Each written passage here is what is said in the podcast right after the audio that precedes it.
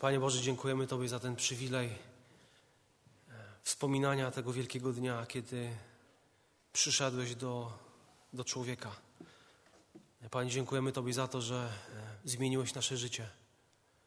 Dziękujemy Tobie za to, że narodziłeś się w naszych sercach i chcesz, Panie, e, chcesz prawdziwie być Panem naszego życia. Panie, Ty jesteś nim, nawet kiedy nie zdajemy sobie z tego sprawy, ale dziękujemy Tobie za to, że się zniżyłeś do nas. Panie, ten czas oddajemy Tobie. Modlimy się, abyś otwierał nasze serca. Panie, abyś był widoczny w naszym życiu, abyśmy mogli słyszeć od Ciebie. Amen. Witam Was bardzo serdecznie. Ostatnia niedziela tego starego roku.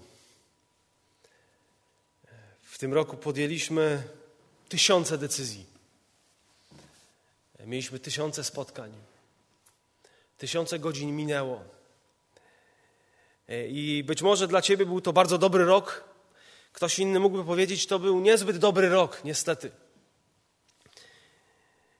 Przed nami kolejny rok, który będzie może inny, może gorszy, może lepszy, ale to będzie rok, w którym będziemy musieli podejmować kolejne decyzje, będziemy spotykali kolejnych ludzi.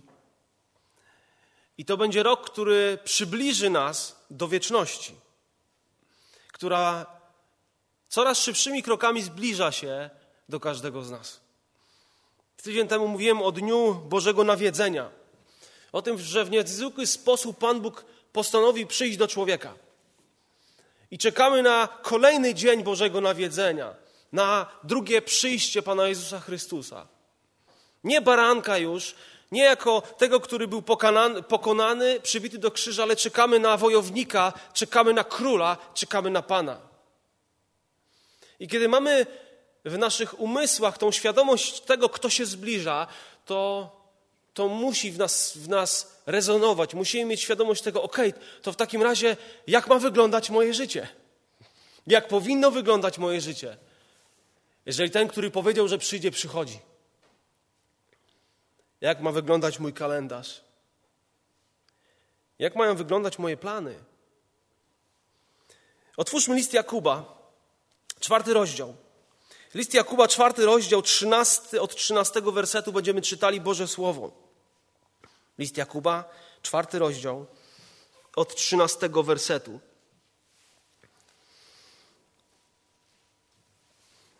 A teraz wy, którzy mówicie, dziś albo jutro pójdziemy do tego lub owego miasta, zatrzymamy się tam przez jeden rok i będziemy handlowali i ciągnęli zyski. Wy, którzy nie wiecie, co jutro będzie, bo czymże jest życie wasze?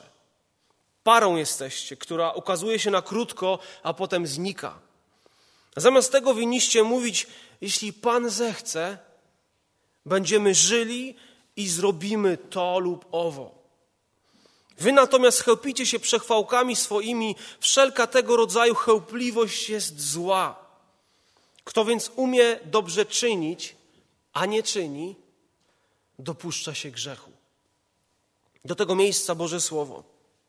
W kontekście Jakub mówi o, o pysze, o arogancji.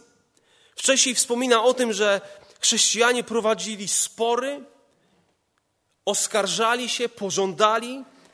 I on chce widzieć zmianę, on chce widzieć postawę, która jest godna, chce widzieć postawę chrześcijańską, postawę, w której widać Chrystusa.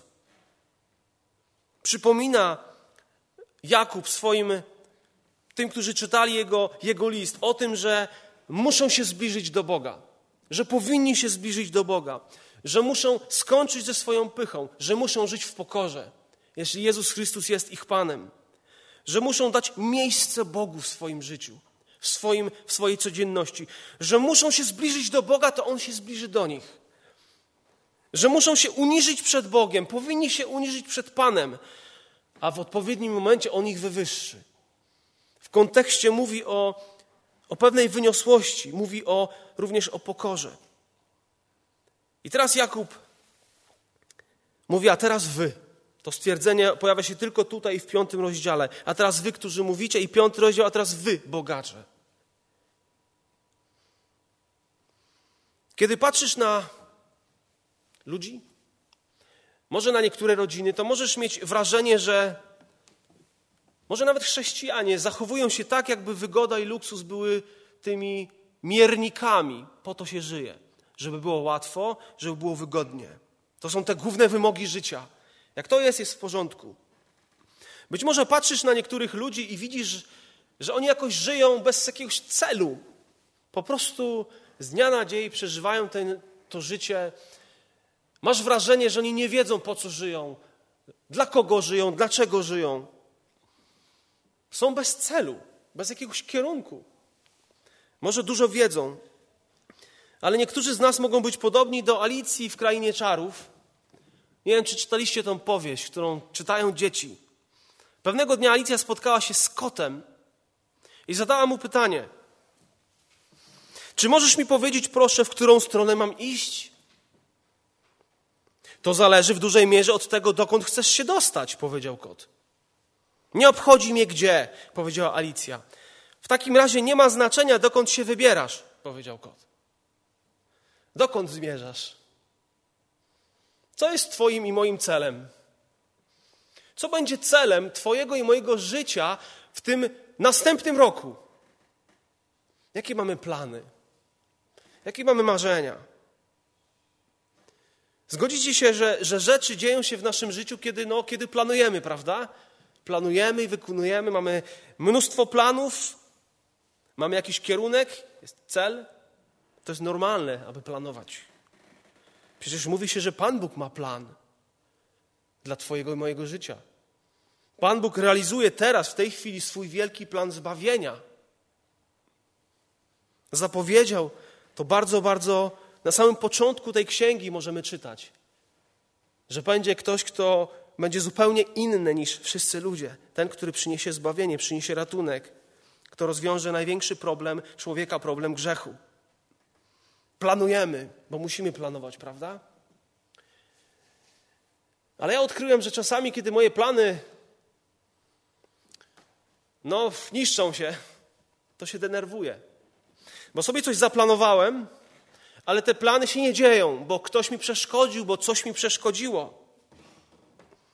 Jak reagujesz, kiedy Twoje plany nie dochodzą do skutku? Gdy, gdy ktoś lub coś je burzy, pojawia się może frustracja, pojawia się złość, gniew, może smutek. Tak bardzo chciałem, żeby to wyszło, no ale cóż, nie wyszło. Jakub w swoim liście mówi o ludziach, którzy zostawiają Boga poza swoim językiem kiedy plotkują, kiedy krytykują, kiedy osądzają, a teraz mówi o ludziach, którzy zostawiają Boga poza swoimi planami.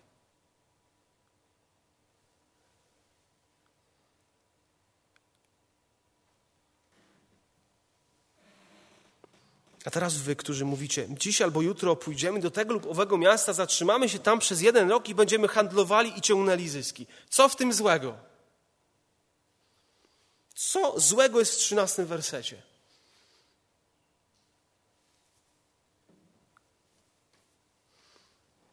To są pewne ludzkie plany, prawda? Ale to są plany, które można o tych planach powiedzieć, że to jest takie pisanie palcem po wodzie. To jest pisanie palcem po wodzie. Zobaczcie, ile rzeczy ma się zadziać. My dziś albo jutro pójdziemy do tego albo innego miasta, zatrzymamy się przez pewien okres czasu, będziemy żyli, będziemy handlowali i zyskamy, nasze życie będzie prostsze, nasze życie może będzie bogatsze. No, w końcu zatroszczę się o moją rodzinę i będę razem z nią godnie żył. W przypowieściach Salomona możemy przeczytać: Nie chwal się dniem jutrzejszym, bo nie wiesz, co dzień może przynieść. Nie wiesz. I kiedy przeczytałem ten werset, 13 przypomniała mi się historia, którą Pan Jezus opowiedział. Ostrzegając przed chciwością. Pan Jezus w Ewangelii Łukasza, 12 rozdziale powiedział, baczcie, a wystrzegajcie się wszelkiej chciwości, dlatego że nie od obfitości dóbr zależy czyjeś życie. Nie jest tutaj mowa o chciwości w tym wersecie, ale posłuchajcie. Powiedział im podobieństwo. Pewnemu bogaczowi pole obfity plon przyniosło i rozważał w sobie, co mam uczynić, skoro nie mam już gdzie gromadzić plonów moich. Każdy z nas pewnie podobnie by pomyślał, kiedy miałby jakąś obfitość.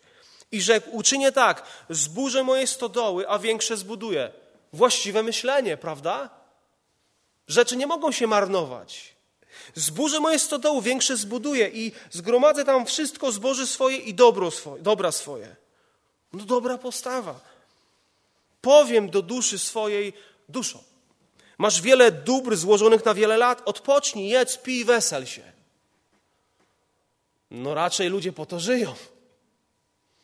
Żeby mogli się cieszyć, żeby byli szczęśliwi, żeby mieli, żeby posiadali, żeby nie musieli mieszkać gdzieś na, na ulicy. No przecież musimy gdzieś żyć i jakoś żyć. Ale rzekł mu Bóg, czegoś brakowało temu człowiekowi. Rzekł mu Bóg, głupcze, tej nocy zażądają duszy Twojej, a to, co przygotowałeś, czyje będzie. Tak będzie z każdym, który skarby gromadzi dla siebie, a nie jest w Bogu bogaty. Tym Twoim, moim życiu chodzi o Boga. Chodzi o to, że jesteśmy w Nim bogaci. Chodzi o to, czy On jest prawdziwie numerem jeden w naszym życiu. W Twoim i w moim życiu chodzi o Niego. Jak mówi o, o tym, że ci ludzie mówią o pewnym czasie, dziś albo jutro, przez cały rok planują, mówią o miejscu, mówią o aktywności. Jaki problem jest w tym, w tym mówieniu? No, wydaje się, że żaden. Na razie żaden.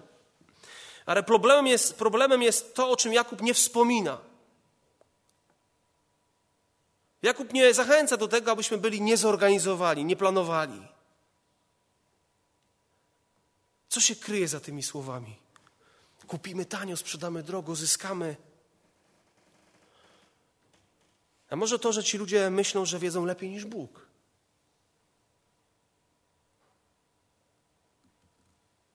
Prawda jest taka, że człowiek nic nie może, nic nie wie. I o własnej sile nie jesteśmy w stanie naprawdę dodać jednego nawet centymetra do naszego wzrostu. Nic. Czego nie ma w tej postawie dziś albo jutro zrobimy to lub tamto? Nie ma pokory. Nie ma uniżenia przed Bogiem. Nie ma Boga. Kiedy myślę o tym starym roku, który mija, to zadaję sobie pytanie, ile Boże było Ciebie w moim życiu? Ile tak naprawdę Ciebie było w moich planach? Jak wyglądała ta codzienność moja? Bo przecież kończy się rok i każdy z nas weryfikuje swoje życie, ocenia. Myślimy o tym, co wyszło albo co nie wyszło, dlaczego tak, dlaczego nie. W tym, co mówili ci ludzie, nie było pokory, nie było Boga. W ich planach nie było Stwórcy.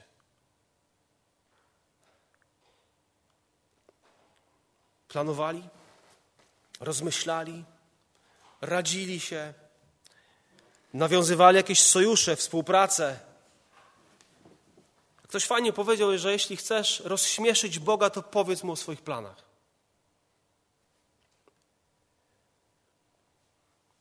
Wy, którzy mówicie, i dalej mówi, wy, którzy nie wiecie. Wy, którzy nie wiecie, co jutro będzie. Bo czymże jest życie wasze? Parą. Dokładnie wyziewem z ust jesteście, która ukazuje się na krótko, a potem znika, przepada. To jest opis życia człowieka. To jest opis Twojego i mojego życia. Para. Jakub mówi: Wy, którzy nie wiecie, i te same słowa muszą być skierowane do nas, my, którzy nie wiemy, co jutro będzie.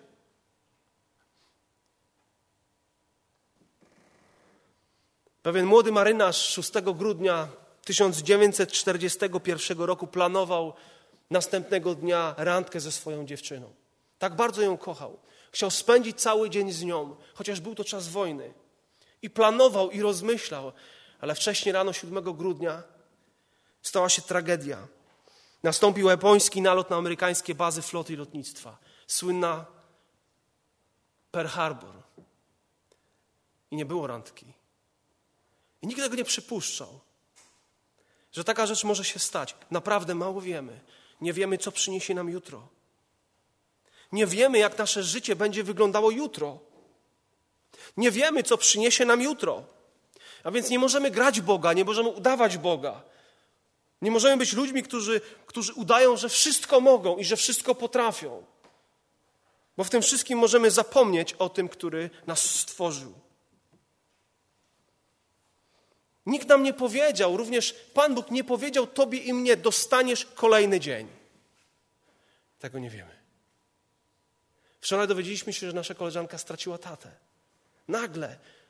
Nie był, nie miał świetnego zdrowia, ale nikt nie przypuszczał, że to już koniec. Moja koleżanka rok temu szła, przechodziła przez pasy, było ciemno, uderzył ją pijany kierowca. W jednej chwili całe jej życie się wywróciło do góry nogami. Długa rehabilitacja, ból. Już nie mogła być matką taką jak wcześniej, bo nie mogła chodzić, bo nie mogła pomagać swoim dzieciom. Tak mało wiemy, tak mało możemy. Głupotą jest planowanie swojego kalendarza, planowanie swojego życia bez Boga. Dlaczego to jest głupotą? Po pierwsze, dlatego, że nasze życie jest bardzo złożone. Wydaje się, że to życie staje się coraz bardziej skomplikowane. Jakoś lepiej się żyło naszym rodzicom. Jakoś wcześniej mój tata był w pracy. 15 po pracy już był w domu. Dzisiaj o 15? Kto kończy pracę o 15? Kto jest w domu o 15? Żyjemy szybko. Nasze życie coraz bardziej złożone, skomplikowane. Jesteśmy, żyjemy w erze smartfonów, smart telewizorów, smart aut, ale ciągle pędzimy. Szczególnie w stolicy. Mamy kalendarze powypychane, urodziny, rocznice, zajęcia, obowiązki, dodatkowe obowiązki, jeśli chodzi o dzieci, zakupy i tak dalej, i tak dalej. Ten lekarz, tamten lekarz, tutaj musimy czekać, tu musimy coś przełożyć. I tak nasze kalendarze są powypełniane.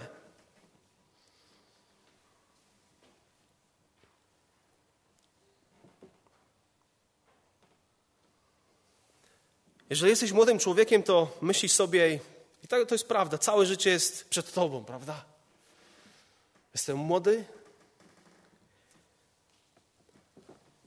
ale nie ma nic ważniejszego dla ciebie, jeśli jesteś młodym człowiekiem.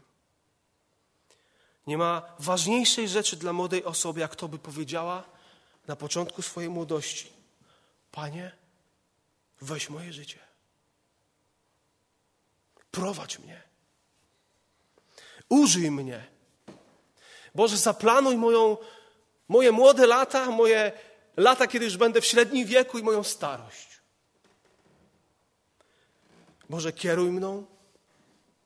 Pokaż mi, jak mam żyć, ucz mnie tego życia. Panie, powiedz mi, gdzie mam iść, z kim mam się związać. Zmień moje plany. Niech Twoja wola dzieje się w moim życiu. Nie ma ważniejszej rzeczy dla młodej osoby, ba, dla każdej osoby. Nie ma ważniejszej rzeczy od takiej postawy. Boże, kieruj moim życiem. Planuj moją przyszłość.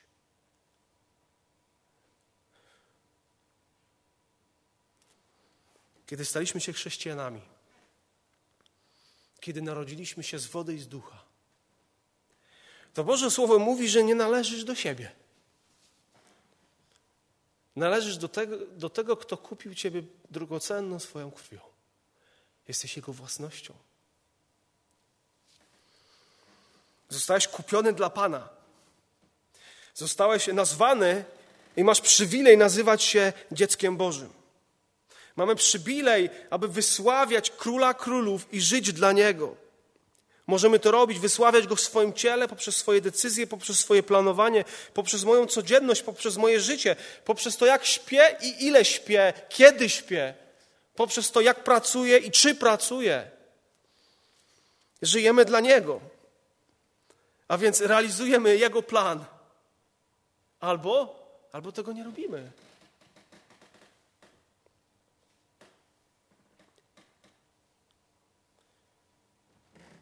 Ważne jest, abyśmy uświadamiali sobie, jak wiele zależy od Niego. Od tego, który dał Tobie i mnie życie. Abyśmy uświadamiali sobie, jak bardzo jesteśmy zależni od Niego. Tak wiele decyzji podejmujemy na każdym etapie życia.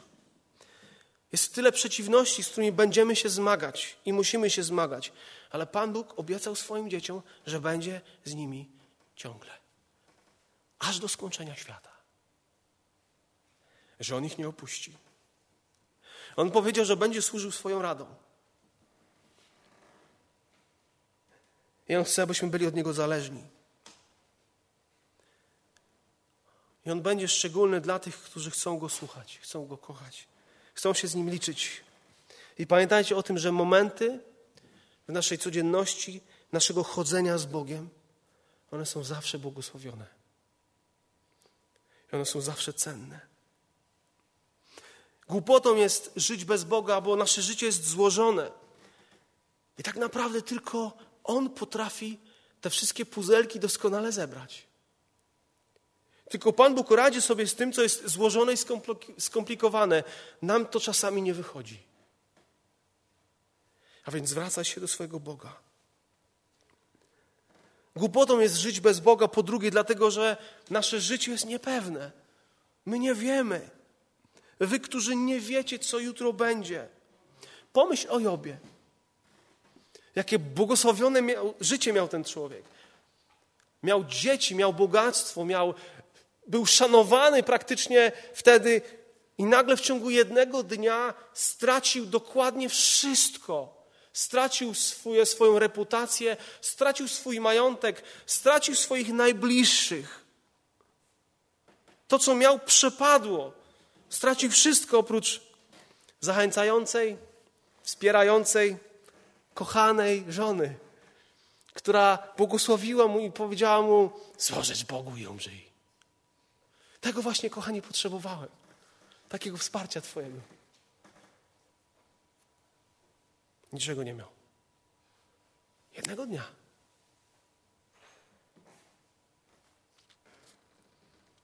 Dawid modlił się: Pan światłością moją i zbawieniem moim, kogóż bać się będę, Pan ochroną życia mego, kogóż mam się lękać. To życie jest niepewne i może w, w, z tego powodu mogę się bać. Ale jest ten, kto jest moją światłością. Jest ten, który, po którego drodze mogę kroczyć. Jest ktoś, kto jest ze mną. I wiem, że Pan Bóg chce Ciebie i mnie spotykać tam, gdzie jesteśmy. W tej sytuacji, w tym miejscu, w takim nastroju, w jakim jesteś. Czekają nas niebezpieczeństwa, trudne decyzje do podjęcia. Nasze życie jest niepewne, ale Bóg wie, co jest i co będzie. Trzecia rzecz. Głupotą jest żyć bez Boga i planować bez Boga, bo przecież nasze życie jest kruche. Nasze życie jest przelotne. Nasze życie jest parą, jest chwilą, jest pyłem. Psalm 39. Oto na szerokość dłoni wymierzyłeś dni moje, a okres życia mojego jest jak nic przed Tobą. Tylko jak tchnienie z wszelki człowiek, choć pewnie stoi. Job mówił: Moje dni są szybsze niż tkackie czułenko i przemijają bez nadziei. Dalej mówi: Człowiek urodzony z niewiasty żyje krótko, jest pełen niepokoju. Psalm 102, bo nikną jak dym dni moje. Psalm 144, człowiek podobny jest do tchnienia. Dni jego są jak cień, co mija.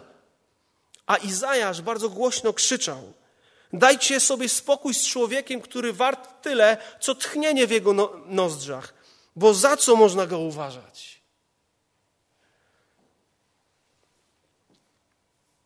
Nasze życie jest złożone, nasze życie jest niepewne, nasze życie jest kruche, krótkie.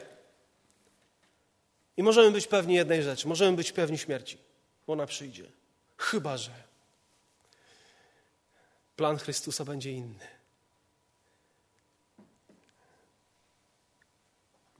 Nie znamy przyszłości, ale znamy tą przyszłość, która się liczy. Znamy tą Bożą przyszłość. Wiemy, co czeka każde Boże dziecko. I choć nie wiem, czy będę jutro żył, to wiem, co się stanie, kiedy przestanę żyć. To ja, ja wiem to, dlatego że ten, który jest moim Panem i Bogiem, zaplanował coś dla mnie i dla Ciebie. Zaplanował życie, które się nigdy nie kończy. W swoim kalendarzu umieścił szczególny czas, który nazywa się wieczność. I on jest dla Ciebie i dla mnie. Jeśli jesteś Bożym dzieckiem, jeśli jesteś osobą, która w wierze i w pokorze przyszła do Niego i wyznała swoje grzechy, jest dla Ciebie miejsce wieczności. Wy, którzy nie wiecie. Nie wiem, ale wiem, że mój Bóg wie i to się liczy. Ktoś fajnie powiedział, że żyjesz jedno wydarzenie, żyjesz jedną okoliczność od wieczności, żyjesz jeden wypadek od wieczności, żyjesz jedną chorobę od wieczności, żyjesz jeden atak serca od wieczności. Żyjesz jedną wojnę od wieczności, jeden huragan. Żyjesz, wystarczy jeden zły czyn jakiegoś bezbożnego człowieka i jesteś w wieczności. Ale jest ktoś, kto potrafi to nasze kruche życie trzymać w garści. Jest ktoś, kto potrafi tą parę trzymać w swojej dłoni, że ona nie znika. Kiedy byłem małym dzieckiem, lubiłem te zimne wieczory albo poranki, kiedy, kiedy oddychałem sobie, widziałem, jak leci para. I przyznam Wam szczerze, że czasami udawałem, że palę papierosy. To było takie chrześcijańskie, dozwolone palenie. Widać było, nie? Przynajmniej to mogłem robić. A Jakub mówi, jesteś jak taka para, taki wyziew z Twoich ust. Nie jesteś w stanie tego złapać. Ale jest ktoś, kto trzyma ten oddech w swojej dłoni. To jest Twój Bóg. To jest Twój Pan. To jest Twój Zbawiciel. Zamiast tego winniście mówić, jeżeli Pan zechce, będziemy żyli i zrobimy to lub owo. Zamiast mówić, zrobimy to i tam, to powinniśmy mówić, jeżeli mój Bóg zechce. Jeżeli On chce. Paweł o niespodzianek, lecz pożegnawszy się rzekł, za wolą Bożą. Znowu się z wami spotkam. Za wolą Bożą. List do hebrajczyków, to właśnie uczynimy, jeśli Bóg pozwoli. To to się stanie. Jeśli Pan zechce. Ja jednak przyjdę do was wkrótce Powiedział apostoł Paweł w liście do Koryntian, jeśli Pan zechce. No właśnie, to o Niego chodzi, to o Jego chcenie chodzi, a nie moje chcenie. Jaka jest Boża wola dla Twojego życia? Jaka jest Boża wola dla Twojej żony, dla Twoich dzieci, dla, dla Twojej rodziny? Co planujesz dla swojej rodziny, dla, jeśli chodzi o ten nowy rok? Jakie masz plany? Czego chcesz? O czym marzysz?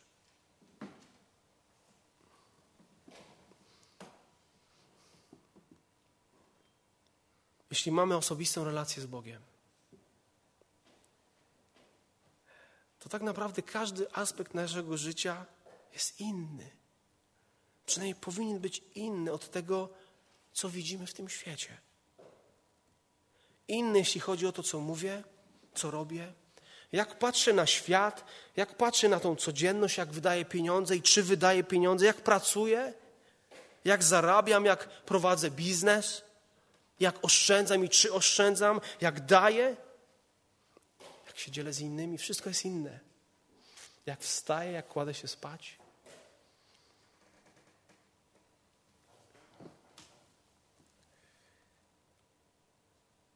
Potrafimy pędzić i ja przynajmniej łapię się na tym, że uświadamiam sobie, że nie spytałem Boga o pewne rzeczy. Po prostu je robię. Czy nie powinniśmy pytać się Go, Boże, gdzie jesteś w tym, w tym wydarzeniu? Gdzie jesteś w tej sytuacji? Czy jesteś w ogóle? Czego Ty, Boże, chcesz? Kiedy budzę się kolejnego poniedziałkowego poranka i muszę iść do pracy. Boże, czego Ty chcesz ode mnie?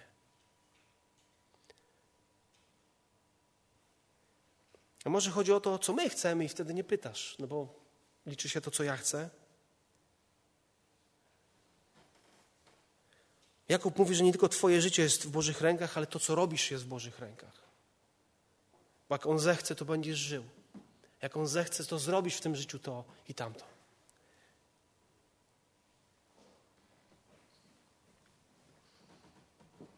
Jeżeli uwzględniasz Boga w, swoim, w swoich planach, to, to uczysz się zależności od Niego. Ja pamiętam, że bardzo nie lubiłem, kiedy mój kalendarz się rozwalał.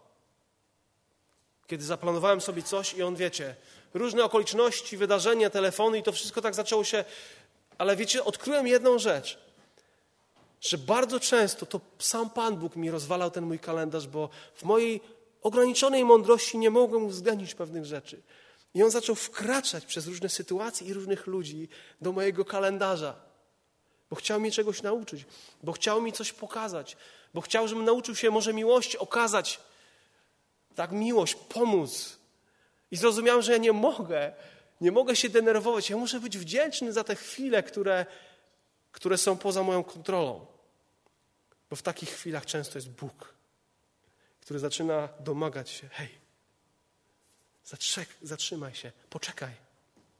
Tego nie byłeś w stanie uwzględnić, ale musisz coś, mam dla ciebie zadanie.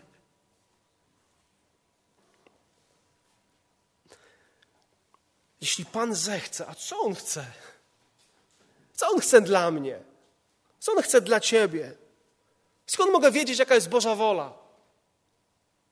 Powiem tylko o pięciu rzeczach. Po pierwsze, Pan Bóg chce zbawienia. On nie chce, aby ktokolwiek zginął, on chce, aby wszyscy ludzie byli zbawieni. To możesz być pewien. Pan Bóg chce, abyś miał, miała osobistą relację z Nim, żywą, głęboką, codzienną. Tego Pan Bóg chce. Jesteś Jego dzieckiem. On chce, abyś znał, znała Boga osobiście. To jest Boża wola. Dalej On powiedział, czego On chce. Taka jest bowiem wola Boża, uświęcenie wasze, abyście się powstrzymywali od wszeteczeństwa. On chce Twojej świętości. Możesz na pewno z całą świadomością powiedzieć: On chce mojej świętości, i więc kiedy masz podjąć pewne decyzje i masz świadomość, że pewna decyzja nie będzie trzymała Ciebie blisko Boga, to możesz mieć pewność, że to nie jest od Niego.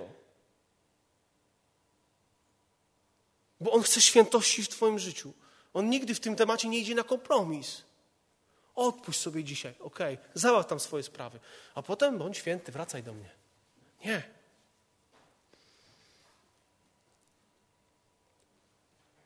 My jesteśmy światłością świata, my inaczej żyjemy, my jesteśmy solą i światłem. Mamy inną, inne standardy, inną moralność, bo jesteśmy świętością dla Niego. W Chrystusie. Po trzecie, czego Pan Bóg chce? On chce, abyśmy mieli postawę wdzięczności w tym nadchodzącym roku. Za wszystko dziękujcie. Taka jest wola Boża. Za wszystko dziękujcie. A więc postawa dziękczynienia. Czego Pan Bóg pragnie dla Twojego i mojego życia? On pragnie tego, abyśmy uczyli się mądrości z tej księgi. Abyśmy nabywali mądrości, abyśmy zabiegali o nią. I o tym mówił Jakub. Jeśli brakuje Wam mądrości, proście Boga, bo naprawdę On ma to dla Was. On chce, abyście korzystali. Paweł w liście do Efezjan w piątym rozdziale mówi, baczcie więc pilnie, jak macie postępować. Nie jako niemądrzy, lecz jako mądrzy.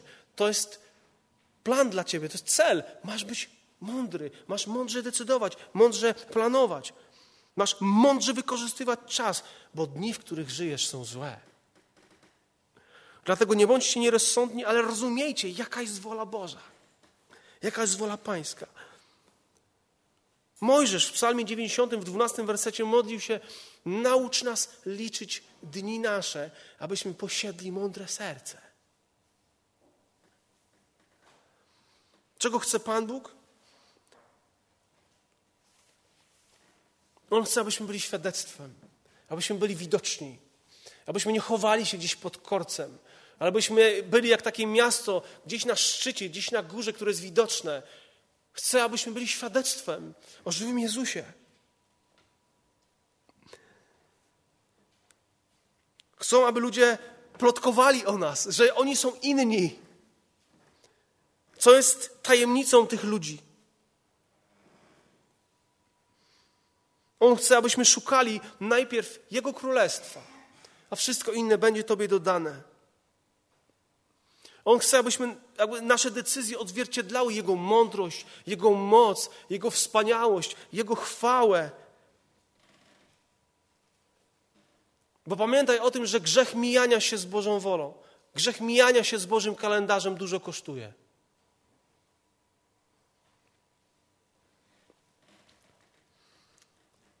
Czego Pan Bóg chce? C.S. Lewis powiedział: Chwała Boża i zbawienie ludzkich dusz jako jedyny sposób na uwielbienie Boga to jest prawdziwa sprawa życia. Żyjesz dla Bożej chwały. Żyjesz po to, aby ratować ludzkie dusze. Hudson Taylor, ten wielki misjonarz, który wspaniałą robotę wykonywał w Chinach, mówił tak: Możesz robić, planować, robić najwspanialsze plany i potem możesz próbować realizować te plany o własnych siłach. Możesz tak robić. Albo możesz robić wspaniałe plany i prosić Boga, żeby te twoje plany błogosławił. Ale to nie jest mądre. I trzecia rzecz, możesz rozpocząć swoje planowanie od Boga.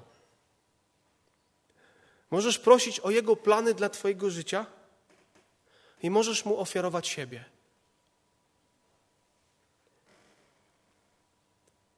Możesz go prosić, Panie, chciałbym wykonać Twoje plany, Twoje cele, Twój kalendarz. Kiedy patrzysz na ten kończący się rok, to jak brzmiała Twoja modlitwa? Panie, mam wspaniałe plany i zrealizuję je z Tobą czy bez Ciebie? Czy może Boże, mam wspaniałe plany, plany czy zechcesz pobłogosławić? Czy może Twoja postawa była postawą Boże, chcę być w tym, co Ty błogosławisz?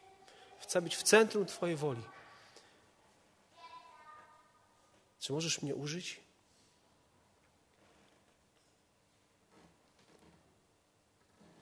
Jesteśmy powołani do tego, żeby żyć w zależności od Boga.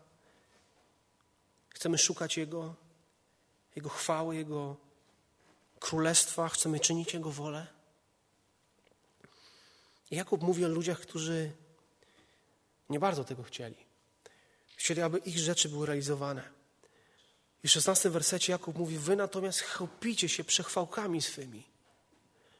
W tym powiedzeniu dziś albo jutro zarobimy, pojedziemy, to była pycha, to, była, to było przechwalanie się. To była duma, w tym nie było pokory, w tym nie było Boga. I teraz Jakub pokazuje. Przechwalacie się, chełpicie? Wy jesteście pyłkiem, parą? Nie potraficie niczego przewidzieć tak naprawdę.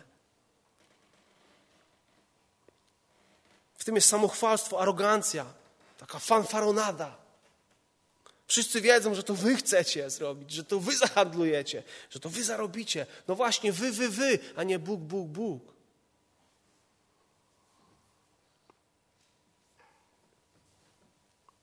Chwalenie się, w którym nie było Boga. pusta zarozumiałość, która nie ufała Bogu, ale bardziej ufała człowiekowi.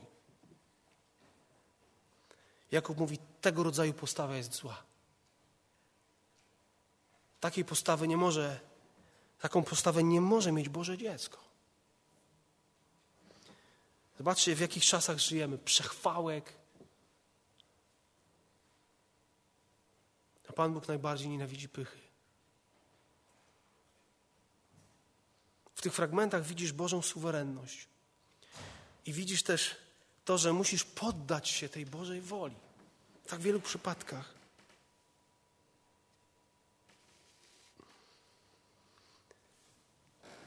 Przecież to w Nim, to w Bogu żyjemy i poruszamy się i jesteśmy. Nie jestem Panem swojego życia, jest inny Pan. Niech tak zostanie. Ci ludzie, do których pisał Jakub, przechwalali się, chełpili. Czym jest pycha tego życia zgodnie z tym, co mówi Jakub i też mowa o tym jest w pierwszym liście Jana? Na czym to wszystko polegało? No, to ja decyduję o sobie. A więc, Boże, zejdź mi z drogi. To ja chcę coś uczynić, a więc, żono, zejdź mi z drogi. To ja mamy pewne plany, a więc, mężu, zejdź mi z drogi. Tato, mamo, zejdź mi z drogi. Bo ja mam pewne plany. To ja chcę. Ja i tylko ja i nikt inny decyduje o tym, co chce. To był problem tych ludzi. To Jakub nazywa złem. Nie ma w tym pokory i uniżenia. A pokora ma dwa źródła. Ona, po pierwsze, to jest, bierze się z tej świadomości tego, że nie jestem Bogiem, że jest jeden Bóg i Pan. Ja jestem zależny od Niego. I druga rzecz, że nie jestem dobry. Że jest tylko jeden ten, który jest dobry, że jestem grzesznikiem, a więc potrzebuję ratunku, potrzebuję pomocy, potrzebuję Zbawiciela, potrzebuję ratunku Jego. Nie jestem Bogiem, potrzebuję pomocy. Jakub, Jakub dalej mówi, kto umie dobrze czynić, a nie czyni, dopuszcza się grzechu. Tak jakby sumuje cały ten rozdział i nawet myślę, że nie cały, ale nawet więcej. Kto umie dobrze czynić, a nie czyni, dopuszcza się grzechu. To są bardzo ciekawe słowa. W liście do Rzymian czytamy: Wszystko, co nie wypływa z przekonania, dokładnie wszystko, co nie wypływa z wiary, jest grzechem. Jakub mówi: Możesz grzeszyć nie robiąc nic. I grzeszymy, kiedy nie robimy tego, co powinniśmy, tego, co musimy.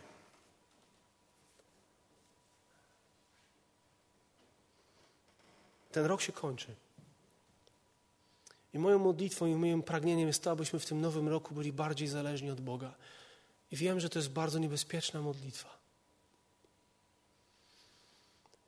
Ale jako Boże dzieci, każdego dnia musimy wzrastać w Bogu. Musimy być coraz bardziej i bardziej od Niego zależni. To On musi stać się naszym zaopatrzeniem. To Pan Bóg musi stać się moim i Twoim planem. To On musi być włączany we wszystko, w każdą najdrobniejszą chwilę.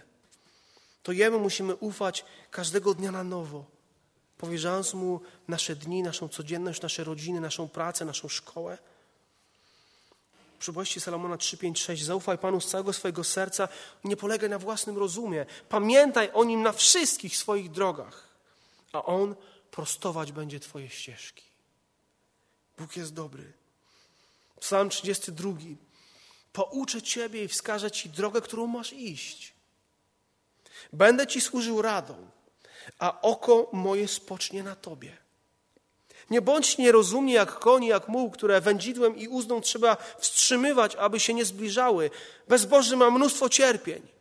Kto zaś ufa Panu, tego łaska otacza. Jakub potępia arogancką niezależność od Boga, tego aroganckiego ducha pychy. I niestety chrześcijanie czasami są temu temu winni. Święty Augustyn powiedział bardzo znane stwierdzenie: kochaj Boga i rób co chcesz. A żyjemy w czasach, które odwracają to stwierdzenie. I ono brzmi tak: rób co chcesz, a potem mów, że kochasz Boga. Kocham Boga, kiedy chodzę do kościoła, jestem w niedzielę na nabożeństwie, ale reszta tygodnia jest moja. Pamiętaj o tym, że Pan Bóg to, co najlepsze, daje tym, którzy decydują, decyzje pozostawiają Jemu. Pan Bóg daje to, co najlepsze tym, którzy decyzje pozostawiają Jemu. Nauczyłem się na swoim własnym doświadczeniu, że Pan Bóg wielokrotnie pozwala mi robić to, czego On sam nie chce ze swojego dopustu pozwala mi zrobić coś, bo muszę upaść, Bo muszę zrozumieć i w takich chwilach, kiedy zrozumiemy, że to nie jest Jego droga, zaczynamy wołać: Boże, ratuj moje życie. Boże, ratuj moje małżeństwo. Boże, ratuj tą sytuację. Boże, pomóż mi. Robi to tylko wtedy, kiedy ma w tym wszystkim jakiś cel i plan. Jeśli chce czegoś mniej Ciebie nauczyć. No i w takich sytuacjach, kiedy zaliczymy przysłowiową glebę, to tak szybciutko wołamy i tak głośno i tak jesteśmy tacy gorliwi. Panie, ratuj, już się poprawię. Ja naprawdę wracam do Ciebie. Życie jest krótkie, życie jest kruche. Nie jesteśmy w stanie kontrolować tego życia. Cytat, kiedy nie zostało Ci nic poza Bogiem, to zdajesz sobie sprawę, że Bóg wystarczy. A C.S. Lewis powiedział, ten, kto ma Boga i wiele innych rzeczy, nie ma więcej niż ten, kto ma samego Boga. Pamiętaj o tym, że jest wola, którą musisz szanować. Jest Bóg, którego musisz kochać. Jest przeznaczenie, do którego zmierzasz. Jest życie, które musisz cenić. Boża wola dla ciebie jest dobra, ona jest doskonała, ale wiesz co? Ona czasami jest gorsząca ciebie i mnie, bo nie mieści się nam w głowie, że On tego od nas chce. Jako Boże dzieci jesteśmy prowadzeni przez Bożego Ducha. A Boża wola jest zawsze tą wolą, którą mamy dzisiaj robić, nie jutro. Dzisiaj, teraz, tutaj. To dzisiaj jest czas decyzji. To dzisiaj jest czas, kiedy Twój i mój kalendarz musimy oddać Bogu, bo no, zbliża się nowy rok. Dzisiaj jest czas, kiedy musimy uczyć się zależności od Niego. I musimy być gotowi na to, że Pan nie zechce. I wtedy nie mogę się gniewać. Nie mogę być sfrustrowany. Muszę zrozumieć, że On ma coś innego dla mnie. I muszę to złapać, muszę to wyłapać. Abraham Lincoln podczas Narodowego Dnia takiego uniżenia się postu i modlitwy w 1863 roku. Posłuchajcie, co napisał. Byliśmy odbiorcami najwspanialszych darów niebios. Przez te wiele lat zachowaliśmy pokój i dobrobyt. Wzrośliśmy w liczbach, bogactwie i potędze. Jak żaden inny naród nigdy nie urósł. Ale zapomnieliśmy o Bogu. Zapomnieliśmy o łaskawej dłoni, która zachowywała nas w pokoju, pomnożyła, wzbogaciła i wzmocniła. I na próżno wyobrażaliśmy sobie w zwodniczości naszych serc, że wszystkie te błogosławieństwa zostały stworzone przez jakąś wyższą mądrość i nasze cnoty. Odurzeni nieprzerwanym sukcesem, staliśmy się zbyt samowystarczalni, aby odczuwać konieczność odkupienia i zachowującej nas łaski, zbyt dumni, by modlić się do Boga, który nas stworzył.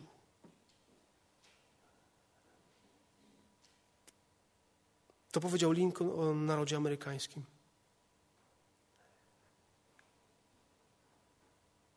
Jeśli jesteś Bożym dzieckiem,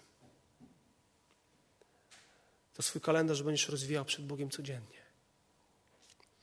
I ten nowy rok będziesz poświęcał Jemu. Będziesz modlił się, będziesz modliła się, Boże, użyj mnie, bo to życie jest kruche, bo nie wiem, bo jestem tylko parą, ale Ty mnie kochasz, ja wiem, że jestem w Twoim ręku. Użyj mojej rodziny, użyj mojego życia. Użyj moich słabości, niech w nich objawi się Twoja moc. Chcę żyć dla Ciebie, będę żyć dla Ciebie. Boże, niech Tobie będzie chwała w moim życiu. I by taka modlitwa płynęła w tym nowym roku. Boże, chcę żyć dla Ciebie i będę żyć dla Ciebie. Bez względu na koszta, bez względu na to, jak ciężko będzie, bez względu na to, jak będę radosny i wszystko się ułoży, będę żyć dla Ciebie. A kiedy wszystko się zawali, będę żyć dla Ciebie. A kiedy będę miała wszystko, będę żyć dla Ciebie. Kiedy nie, nie będę miała niczego, będę żyć dla Ciebie. Bo jestem Twoja, bo jestem Twój. Znieśmy modlitwę teraz do Boga, aby wziął te nasze słabe życia i użył nas dla swojej chwały. Niech Panu Jezusowi Chrystusowi będzie chwała i cześć. Powstańmy do modlitwy. Amen.